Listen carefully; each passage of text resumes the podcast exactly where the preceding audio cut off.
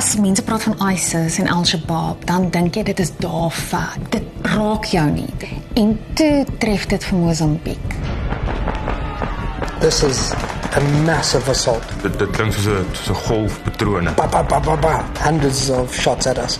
Dit is nie net ons staan vermoere op ons gaan uit die plek skiet nie. Dit het ons maandelange beplanning gevat het om dit te doen. Please save them. Please. Vandag gaan ons oor die grense vaar om te verstaan wat gebeur as jy die dood in die gesig staar. Dit is 2021 en ons is in Palma, Mosambiek. Hiermee huisgenoot redakteur Ivan Beyers. Grawe 'n loopgraaf. Dit was die jong François van die kerk se Paulse raad. Toe François en François senior kort voor Kersfees 2020 die eerste keer geweerskote in die lug gehoor het by Te Palma in Mosambiek. François en sy pa het geweet die islamitiese militante groep Al-Shabaab bedreig die streek. François Junior het dit so gemaak en daai loopgraaf gegrawe. Maar 4 maande het verbygesleep met angs en afwagting die hele tyd in die lug. En toe in Maart 2021 keer François Senior terug na Suid-Afrika om by familie te kom kuier met François Junior wat agterbly. En toe op 'n dag ontplof die skote en Palma ontaard in 'n oorlogsone. En François en 'n Mosambiekse kollega het in daardie loopgraaf gaan skuil en vir 4 dae daar gebly. As dit nie vir dit was nie, was hulle waarskynlik vandag dood. Ander Suid-Afrikaners was nie so gelukkig nie. Huisgenoot joernalis Johnny Berg verduidelik vir ons hoe 'n ongerepte kusdorpie en bekende toeristebestemming in 'n nagmerrie ontaard het. As jy aan Mosambiek dink, dan dink jy net aan die tropiese land. Die strande is spierwit, warm seewater is blou, blou, blou. Dis regtig 'n merkwaardige land. Die plaaslike mense daar is wonderlik. Hulle is afhanklik van die toeriste en hulle is van die vriendelikste mense wat jy kan teekom. Toe begin die koerante daaroor skryf dat hierdie klein kusdorp in die noordelike dele van Mosambiek, Palma, word aangeval deur Al-Shabaab, 'n islamitiese militêre veggroep. Mosambiek het 'n gewelddadige geskiedenis vol politieke onrus en opstand. Senior opleidingskoördineerder van die Instituut vir Sekuriteitsstudies, Willem Els, verskaf vir ons die nodige konteks. Ek is Willem Els, ek is 'n senior opleidingskoördineerder by die Instituut vir Sekuriteitsstudies. Ons fokus om navorsing te doen op terrorisme. Mosambiek is 'n land wat getuister is deur geweld vir baie lang tyd. 1964 het die huidige regering Frelimo in opstand gekom teen die Portugese bewind en na 1975 het die Renamo beweging tot stand gekom. Hulle het ook oorgegaan na 'n demokrasie toe waar Renamo die amptelike oppositie geword het. Daar is 'n faksie in Renamo wat nie saamstem met wat gebeur het nie, veral in die Sofala provinsie is daar van tyd tot tyd voorvalle As jy terugkyk in 2015 was die eerste skote geskiet toe die insurgente van hulle makkers wat gearresteer was gaan probeer ontset in die tronk in uh, Masamboa Praia. Dit het natuurlik gelei tot teenaanvalle en die res is geskiedenis. 'n Keerpunt was toe hulle die kusdorp met die hawe van Masamboa Praia oorgeneem het. Dit het hulle basis geword en dit het gelei tot verplasing van vlugtelinge wat afgekom het onder na Pemba toe. So dit is in kort wat gebeur het tot net voor die Palma voorval. Masamboa Praia is waar die raffinaderry van totaal gebou word op die oomblik. Uh, ons praat van 'n 20 miljard plus dollar belegging wat daar is. Total het op een voorwaarde besluit om sy basis daar te lê. Hulle het vir die Mosambiekse regering gesê dat hulle soek 'n 25 km radius veiligheidssektor in die omgewing waar hulle werk, waar die Mosambiekse regering hulle beskerm, omdat hy geweet het dat militante groepe in die omgewing is en dat hulle gevaar stel. As mense praat van ISIS en Al-Shabaab en enige terreurgroepe, dan dink jy dit is daar ver. Dit is in Amerika en Irak en Iran dit raak jou nie. Dit raak nie jou mense nie. En toe tref dit vir Mosambiek. In Palma, waar hierdie ouens die dorp aangeval het, was daar ontsettend baie Suid-Afrikaners wat kontrakwerkers was, wie se families in Suid-Afrika was, wat bekommerd was van sou hulle oorleef. My name is Wesley Nell. Um director and one of the founders of company Cube Modular that builds prefab and modular buildings throughout Africa. We were up in Palma building a 750 man camp for the oil and gas project for Total. This project is the biggest foreign direct investment in Africa. $24 billion project to get the gas out. this could have been the biggest opportunity of our company's history. About the 2nd of January, I remember sitting there thinking, hold on, I need help here.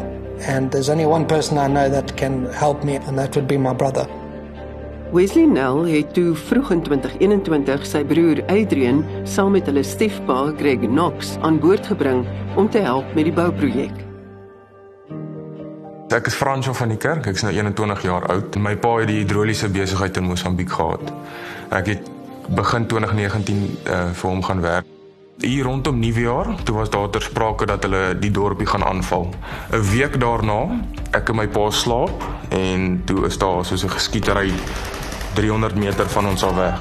Die nag het die skote om ons geklap, redelik hard en laag en baie keer na my eenheid toe gekom. Toe skree die skote kwaai. Toe kon jy duidelik hoor die ou skree alle akbar. Toe ons gaan kyk waar ons gelê het. Toe ek in die bos ingeduik en baie keer in 'n oop stuk veld ingeduik. En toe het ons net daar besluit. Ons gaan nou loopgraaf grou en ja, daar was geen ander manier gewees nie. Ons moes net 'n plekkie kry. 3 maande voor die aanval het ek en twee van my werkers die loopgraaf gegrou daar. So 'n maand voor die aanval was ek vir 3 weke in Suid-Afrika en toe kom ek terug Mosambiek toe. So ons het mekaar so half afgelos en toe sit nou sy tyd om huis toe te gaan. Hy het die Vrydag uitgevlieg. Daai opvolgende Woensdag was die aanval geweest voor 2020 daar was nie planmatigheid in hoe hulle gewerk het nie. Van 2020 vermoed ons dat daar moes mense ingekom het om hulle dan verder op te lei en leiding te gee. Daar was 'n duidelike strategie, daar was 'n duidelike planmatigheid in hoe hulle opgetree het. In die begin het hulle eers toegangsroete tot Palma domineer. Toe het hulle begin om die kleiner dorpies in te neem. Dit is hartseer dat die regeringsmagte nie die tekens gesien het en voorberei het vir dit nie. On the 3rd of January, there was rumors going around that the insurgents might attack Palma.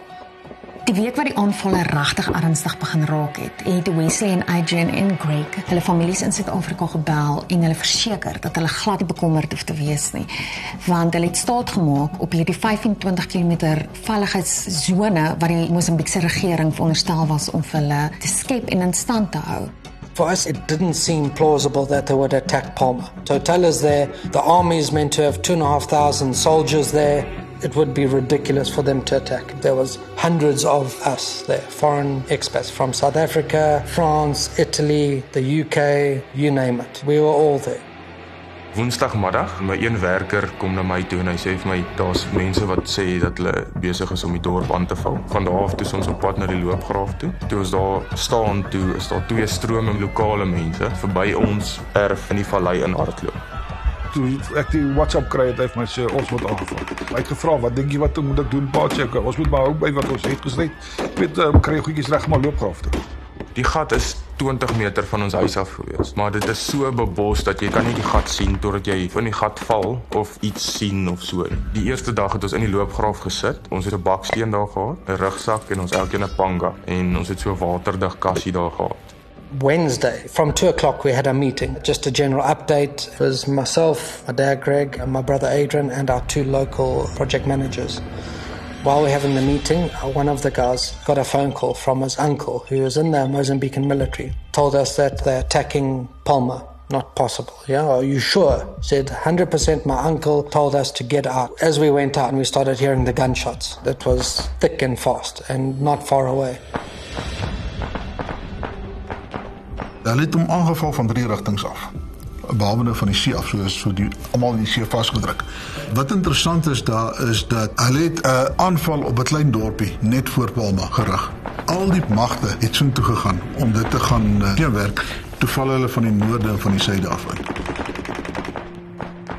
Our evacuation plan was to get to the beach where a friend of ours had boats, jumped in the car, get to the T junction, it's about 200 meters. Across the road on the left hand side is the Amarula Hotel. We saw there was just hundreds of people running up the road, screaming, and we wanted to go left because that's where you can get to the beach. But there was lots of gunfire going off on that side there. So we decided to go right, which is on the road to Tanzania. Apparently, there was a little road that you could go through the bush down to the beach. We turned right, we were driving about a kilometer. There's a small airfield on the left hand side. They started shooting at us from the bush. Hundreds of shots at us. They were obviously a little bit too far from us to actually hit us, but my brother was driving and he did a huge U turn and just spun around and we got out of there and they stepped out and started shooting at us from behind. So he put the foot down and we're going through puddles and at 120 k's an hour back towards our camp and the Amarula. And the guys in the car just screaming, go to the Amarula, go to the Amarula. So we uh, pulled into the, the Amarula. They had a big steel gate and a pedestrian gate. And we hooting and shouting at them and they wouldn't open the, the gate. So eventually we got out, banged on the pedestrian gate. They told us to leave the car outside and come in, which we did. And I mean, we were locals at the Amarula. My brother and them stayed at the Amarula for two months. We were there every second night at the bar with all the other expats. So parked the vehicle and we ran into the Amarula with our jump bags. Slegte nuus versprei vinnig. Maar as jou geliefdes in die middel van 'n terreuraanval vasgevang word, gaan die tyd baie stadig verby, sê Wesley se ma, Mary Knox. I'd gone to Durban for a family funeral and I was driving back and my phone rang, looked to see who it was and it's a friend of ours um, that we know from Mozambique. He said to me, is Greg all right? So I said, why? He said, he's heard that they've attacked Palmer. Said, Oh my gosh, that's not good. The boys are with them too. Then I frantically tried to get hold of them and nobody was answering their cell phones. Eventually, at nine o'clock that night, Greg managed to phone me from a satellite phone. Said to me they're at the Amarula Hotel and they're safe and they're going to get evacuated the next day. Maar sommer gou het ons in die koerante gesien dat Al-Shabaab die Mosambiekse regering oorval het en dat daar geen teken was van enige weermag of polisiebeamptes nie. Al wat jy hoor is net bomme en gewere en dit was net Al-Shabaab oral. Dit het sommer baie vinnig duidelik geword dat die Mosambiekse veiligheidsmagte glad nie toegerus was om teen hierdie islamitiese militêre groep te veg nie dit is iets wat jy regtig net in 'n film sal sien. François en een van die werkers vir 4 dae lank het hulle in hierdie loopgraaf gesit. François het 'n rugsak by hom gehad. Hy het Luxtuna gehad. Hulle het nie 'n woord vir mekaar gesê nie. Hulle het in doodstilte daar gesit. Dit is Mosambiek, dit is 'n tropiese gebied, so die muskiete was baie erg geweest. Die eerste aand weer was in 'n skok. As iemand na my toe geloop het, sou hulle my net daar doodgeskiet het, verstaan. Ek sou niks kon doen nie. Ek was in 'n skok, ek was bang, angstig. Op daardie stadium het Adrian Wesley en Greg 'n hotel saam met 200 ander mense gedeel. Other people start arriving from all over expats, locals, you name it. Everyone just starts coming in. You know, during the day, the Amarula's probably got 30 people, so but that number swelled to 100 within a matter of hours. And there was huge gunfire going off in town, which is not even a kilometer away. It goes down a valley, and then up on the other side is where town is. You can see it. And there's just huge gunfire going off and um, mortars. And there's bullets flying over our heads and through the trees and stuff. So we're all lying down and leopard crawling to get in between the buildings so that we don't get hit with flying bullets. There's big baobab trees there. You had 10 people behind one baobab trying to hide from bullets flying overhead. It wasn't long before nightfall started. And yeah, just chaos. Completely chaos. People running and screaming, gunfire going off, mortars. So we um, just camped down there until it started to quieten down. To sustain that much gunfire, a normal army would struggle to have that much ammunition. Thousands of bullets going off in a few hours. Yeah? We counted about 40 explosions, which is mortars and RPGs, in a case of half an hour. And that's when we thought, okay, this is not just a little attack, this is a full blown out attack on the town. Hulle gaan vir proviant natuurlik om te kos en alles wat hulle nodig het, maar dan gaan hulle ook vir die jong seuns Hulle indoktrineer die jong seuns want hulle gaan vegters word. Daar is gevalle van seuns van so jonk as 15 jaar wat aangewend is om te gaan beklei en dit noem ons die kindersoldaat fenomeen. Maar dan ook teiken hulle die jong vrouens. Van hulle van al die wat mooi is, stuur hulle Tansanië toe wat hulle deel word van die mensenhandel, 'n syndikaat. Dit is baie hartseer. Hulle is nie net daar om te gaan skiet en dood te maak nie. Dit word 'n baie groter storie. We were sitting there in the morning talking and next minute they started shooting at us. Couldn't see them. They were in the bush across the road, but they started shooting at us and hitting the roof. Bah, bah, bah, bah. So we all dropped to the ground and we're just lying there. And they are shooting non-stop. They at the main gate and the pedestrian gate. They're shooting at that. Yeah? So now it's serious. These people are after us. We'd hear that the evacuations were taking place, then we'd hear that there was too much gunfire and the evacuations couldn't happen. So it was very stressful. That went on the whole of Thursday. We were just hoping and praying that everybody would get out of there. Wesley managed to SMS me and let me know they're still safe and waiting to be evacuated. Somebody put a voice note on and I listened to it and it was just constant high powered gunfire and mortars and it just sounded too terrible. It just went on and on and on and I thought these guys are in serious trouble.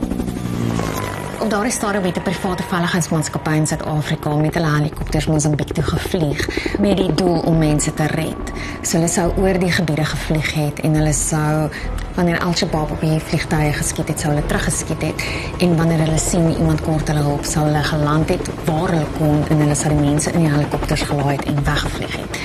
Dit is ook die einste helikopters wat bo die hotel gevlieg het die hele tyd om die mense in die hotel veilig te hou. Hulle het geskuil in die hotel, hulle kos is besig om op te raak, hulle water was besig om op te raak. Hulle het nie geweet waar Al-Shabaab om die hotel is nie. Hulle het geweet hulle is daar, want hulle kan die skote in die lug hoor, hulle kan die bomme hoor, hulle kan hoor hoe mense skree en hulle kan hoor hoe vegkrete geskree word en hoe ander mense aangeval word. So dit het sin gemaak dat hulle in die hotel bly en dit is op was op daardie stadium die veiligste plek. Elders het François en sy kollega Justino vreesbevange in die loopgraaf gesit en luister hoe die skote bo hulle weer galm. Faitjie het nog heeltyd tot in die loopgraaf met my gepraat. Daar's ook van ons ander vriende wat by die see se kant was wat met hom gepraat het. Alles het hom mooi uitgewerk. Gedog hulle gaan van een kant af kom. Maar hulle was op een slag reg hoor, links regs bo onder oorkant. So hulle was baie georganiseer die vorige aanvalle wat daar was, was dit maar klein geweervuur geweest. Hy was grof geskit. So hy het onmiddellik vir my gesê die bomme val, by val bomme. Toe sy in die loopgraaf in en ons het nog so 'n bietjie gekekkel op WhatsApp en wou nog vir hom sê ons moet klaar praat, hulle gaan die telekommunikasie uithaal. En toe het hulle die toring uitgeskiet. Dit was uh, 31 minute oor 4 en van daar af het ons geen kommunikasie gehad. Die slegste ding van my was dat ek nie geweet het wat aangaan die feit dat ek nie in beheer was nie en dat ek nie geweet het hoe die situasie om my is nie. Ek het daar gesit tot ek gehoor het hoe 'n vrou skree soos 'n malva en dan ewe skielik is dit net stil. In my kop, hulle die vrou net daar vermoor of doodgemaak. In my kop het net heeltyd rondgehardloop en rondgehard. Ek wou nie aanvaar het wat het met my gebeur, wat wat is besig om te gebeur nie. Someone said there's a vehicle outside parked on across the road and they've got a AK in the back there. My brother says that's it. If we need to protect ourselves, that's our safety. If they jump over, we can at least shoot back. So cool. I'll keep an eye out for him and I'm recording it. I said, okay, it seems clear. Next minute, he runs out the gate and uses the key to unlock it, but then the alarm goes off. My heart started pumping because now maybe the guy was lying on the other side sleeping, but now you've woken him up what felt like minutes, but digging in, gets the gun, comes running out. Okay? He comes in there, he's sweating, he's just wet. I'm like, you know, if we were in the military, you'd be getting a Medal of Honor. Cool, we got a gun, yeah? We sorted. Daar was nie krag gewees in die dorp nie. Ons het generators gehad. Ons het met 'n plan vorendag gekom. As die helikopters gekom het, het ons gehardloop en ons die generator aangesit vir tyd en wyl want jy kan nie daai geluid hoor dan nie. Toe ek van daar af terugloop na ons huis toe, toe skiet hulle op my. Ek so loop wat die wat die patrone die grond voor en agter my tref en hoe ek kan hoor hoe die patrone so oor my kop gaan. Toe van daar toe hardloop ons weer na die loopgraaf toe. We all now thinking, well, what do we do? Night time is an hour away. If night time comes, we won't see the morning. So we thought, okay, that's it. Let's take the cars and go. Rather risk that than stay here and get slaughtered. My brother was still taking blocks to the main gate to try reinforce. He thought we were going to spend another night there. I said to him, listen, bud, we need to go with the convoy. We're not going to stay here alone. And he's like, oh, it's a bad idea. This is going to be the drive of your life, bro. So he put on the, the vest and we loaded up everybody. We were telling them, leave your bags. People wanted to bring their possessions with. No bags, no nothing. You just take a small little bag. We had one armored vehicle that was in the front, Toyota Hilux with a armored canopy on the back. All the women and children into there, and the rest of us just our normal work buckies, not armored or anything. Some buckies had like 20 people in the back of the bucky. We had eight or nine people in our Fortuna. We had four people in the boot. Wherever we could fit people, we just put them in. Then they open the gates and we just start going out there, turn around, get to the T, and we go on the road towards Tanzania. It's um, chaos. We're driving as fast as we can go 120, 140 k's an hour on a dirt road. The problem is the cars spread out. So you end up with the next car almost 200 meters in front of you, and then the car behind you 200 meters. My brother's driving, and we get just past the airport. That first time that we um, got uh, shot at there again. Guys hiding in the bush, and they just shot at us, let rip. Into the car. Probably two Ks after that. Big ambush. Lots and lots of gunfire. And it hits. Windows explode. I'm sitting directly behind my brother.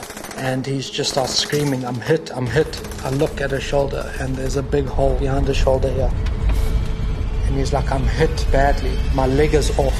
So they're like, use your other leg. He's like, I am. I'm driving with my left foot. His arm is down. The guy sitting next to him is holding the steering wheel and he's still trying to drive it's just panic everywhere. Everyone's screaming. My brother's shouting, guys, you got to take over. I'm going. And I'm like, Adi, I love you so much. I'm sorry, man. I'm so sorry. I love you. Uh, I got him, I pick him up by his belt and I push him over the middle of the two seats onto my dad's lap. And they're telling me to drive, so I put it into gear and I just start driving. And I'm like, is he okay? Dad, please save him. Please. Just shouting to him, I love you, AD. I'm so sorry. I love you so much. I love you. And um, just keep on driving. Now, I know my brother's dying and I'm trying to drive, and I don't know if we're going to get shot at again.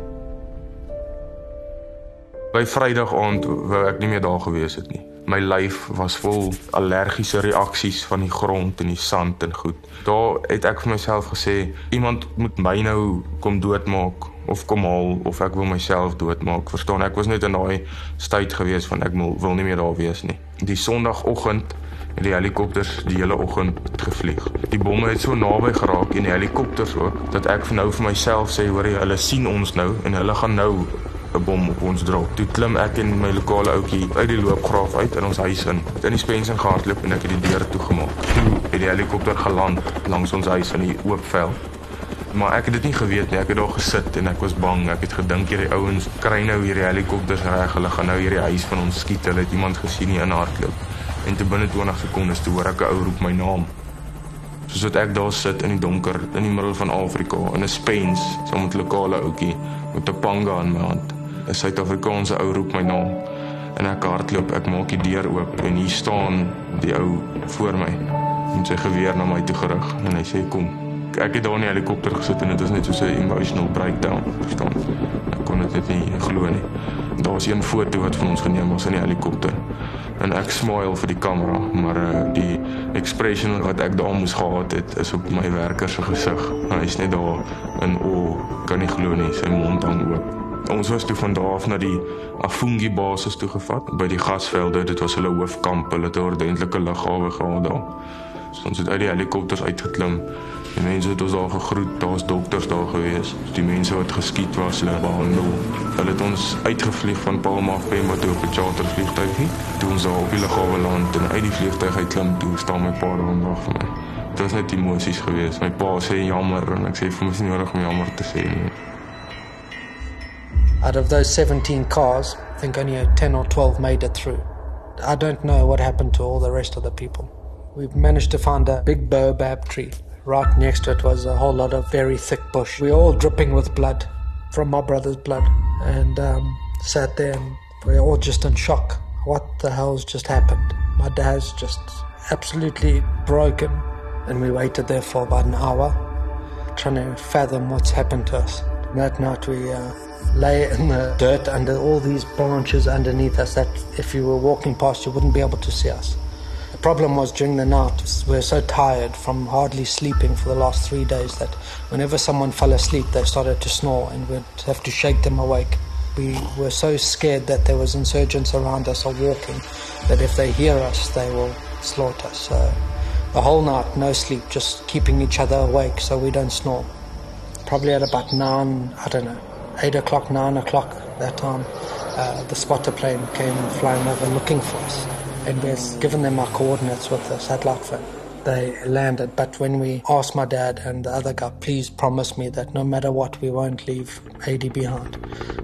Promise 100%. So I get to the chopper doors and they're trying to get us in, and I'm shouting to them, no, go back and fetch AD. Yeah.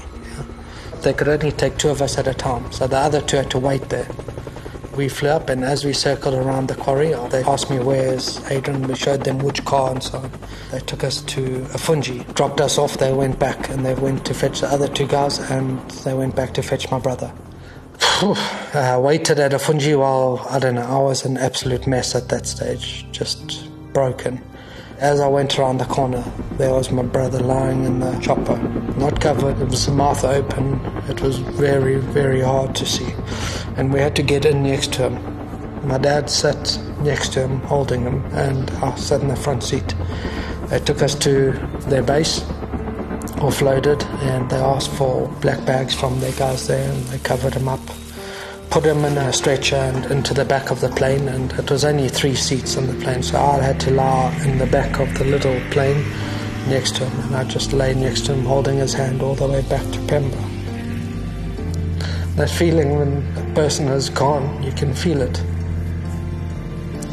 But I held his hand all the way back.